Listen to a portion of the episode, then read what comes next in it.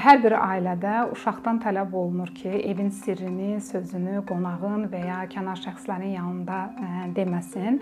Amma uşaq üçün əhəmiyyətli olan, hətta sir saydığı məsələni böyüklər bəzən söhbət xatirinə qonağın yanında ya kənar şəxslərin yanında danışırlar və bunu bəzən zarafat mövzusu eləyirlər.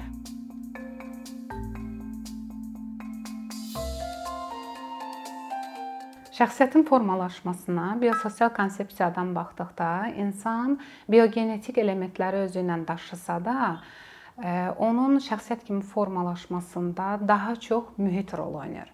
Bu o deməkdir ki, bu konsepsiyaya əsasən insan daxili amil sayılan irsiyyəti ilə doğulsa da, xarici amillərin, yəni mühitin, tərbiyənin təsiri ilə yetişir. İnsan uşaqlıqdan iti müşahidə qabiliyyətinə malikdir və məhz bu müşahidə qabiliyyəti hesabına ətrafında olan uşaqlıqdan kimlərlə ünsiyyətdə olubsa, ünsiyyətdə olduqları e, böyüklərin elədikləri ilə dedikləri arasındakı uyğunluğu, ziddiyyəti çox rahatlıqla sezə bilirlər.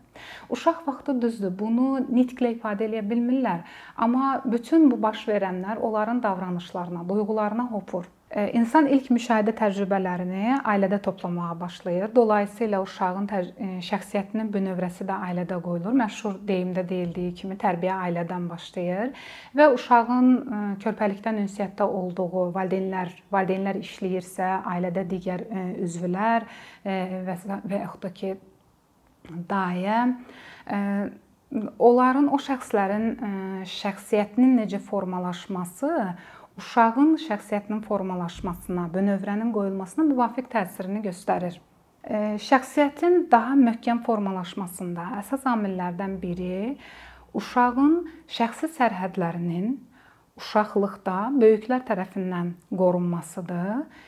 Həmçinin uşağın şəxsi sərhədlərinin qoruma, qorumağı uşağın özünə öyrədilməsidir.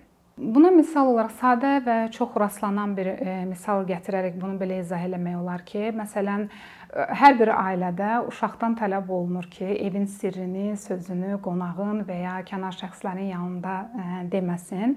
Amma uşağın uşaq üçün əhəmiyyətli olan, hətta sir saydığı məsələni böyüklər bəzən söhbət xatirinə qonağın yanında ya kənar şəxslərin yanında danışırlar və bunu e, bəzən zarafat mövzusu eləyirlər. Uşağın burdan çıxartdığı nəticə nə olur?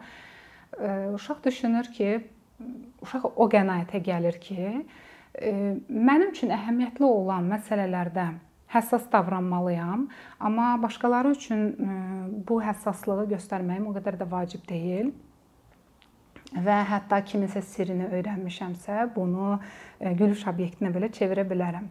Əgər uşaq ailəyə nisbətdə daha sağlam mühitə düşərsə, e, uşaqda yaranan o şəxsiyyətin bünövrəsində yaranan o həmin boşluqlar minimuma enir yəni uşaq yeni davranışları sezir, yeni davranışları müşahidə eləyir və bu öz növbəsində uşağın xarakterinə hopur və zamanla o boşluqlar belə deyək də sağalmağa başlayır. Minimuma enir. Amma əgər uşaq ailədəki yanaşmanın eynisini göstərən mühitlə rastlaşırsa, yəni bağça müəlliməsi ola bilər və yaxud da ki, ibtidai sinif müəllimi ola bilər bu, e, eyni yanaşmanı göstərirsə, o həmin o boşluqlar daha da genişlənməyə başlayır. Həmin o bünövrədəki o sarsılmalar daha da dərinləşməyə başlayır. Məsələn, müəllimlər adətən uşağın gizli məlumatlarını, gizli qalması lazım olan məlumatları digər müəllimlərə yayılması, müəllimlər tərəfindən və ya digər valideynlərə yayılması və valideynlər də öz növbəsində uşağın sinif yoldaşlarına deməsi, ailədə söhbətin getməsi və uşağın bu uşağın gizli məlumatlarının sinif yoldaşlarına qədər çatması. Onun üçün narahat bir haldır və diskriminasiya halları ilə, bullyinglə uşaq üzləşir, hansı ki, müəllimin məxfilik etikasına riayət eləməməsi səbəbindən yaranır bu hal. Qısa deyilsə, müəllimdə olan ziddiyyətli davranışlar, müəllimin məxfilik etikasına riayət eləməməsi və s. bu kimi hallar uşaqdakı həmin o mənfi xüsusiyyətlərə dəstəkçi rol oynayır. Yəni ailədən sonra daha sağlam mühitə düşürsə, həmin o boşluqlar sağalır Amma ailədən sonra həmin o bənzərini göstərən, bənzər yanaşmaları göstərən müəllimlərlə rastlaşırsa, o boşluqlar daha da dərinləşir. Şəxsiyyətin bünövrəsindəki boşluqlar daha da dərinləşir uşaqda.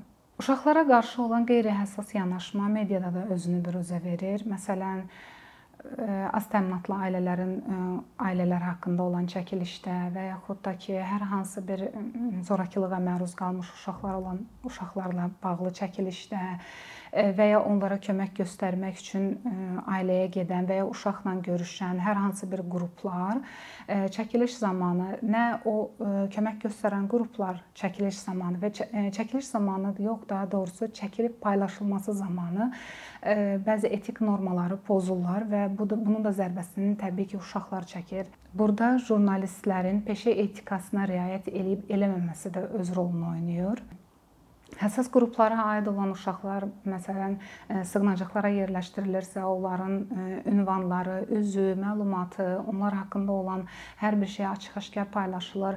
Uşağın bu gün üçün təhlükədir, gələcəyi üçün də xoş olmayan bir haldır ki, uşaq özü haqqında, cəmiyyətə qarışdıqdan sonra özü haqqında onun paylaşılmasını istəmədiyi, gizli qalmalı olan məlumatların sosial şəbəkələrdə dolaşması onun üçün narahatlıq verici bir haldır.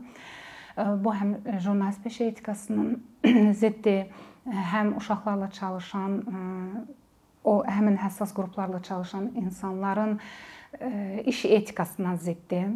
Uşaq hüquqlarının pozulmasıdır. Burada yəni sırf hüquq pozuntusu var təəssüflər olsun ki, uşaq uşaq psixoloqları və uşaqlarla çalışan digər mütəxəssislər də bu normalara riayət eləmirlər.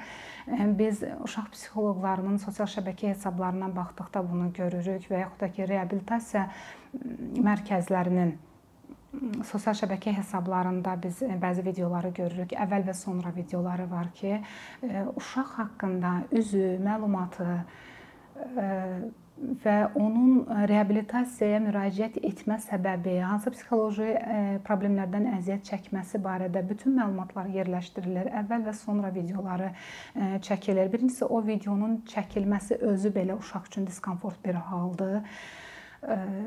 Seansın gedişatına təsir göstərir son əvvəlki çəkilişin paylaşılması uşaq üçün narahatlıq verici haldısa, sonra, yəni yaxşı vəziyyətindəki çəkilişin o çəkiliş prosesi özü belə uşağa narahatlıq verən bir haldır. Bu məsələnin başqa tərəfi.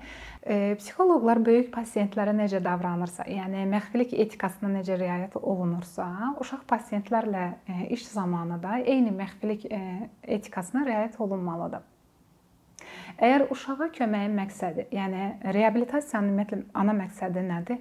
Uşağı cəmiyyətə inteqrasiya eləmək, cəmiyyətdə iştiraklılığını artırmaq, daha keyfiyyətli iştiraklılığına təminat yaratmaq və s.dirsə, bəs inteqrasiya olunduğu cəmiyyətdə özünün keçmişinə dair daha ağır vəziyyətinə dair videoların, məlumatların paylaşılması nə dərəcədə doğrudur və bu uşaq üçün hansı-hansı narahatlıqları yaradıla, yarada bilər? Bunu biraz düşünüb həssas davranmaq vacibdir.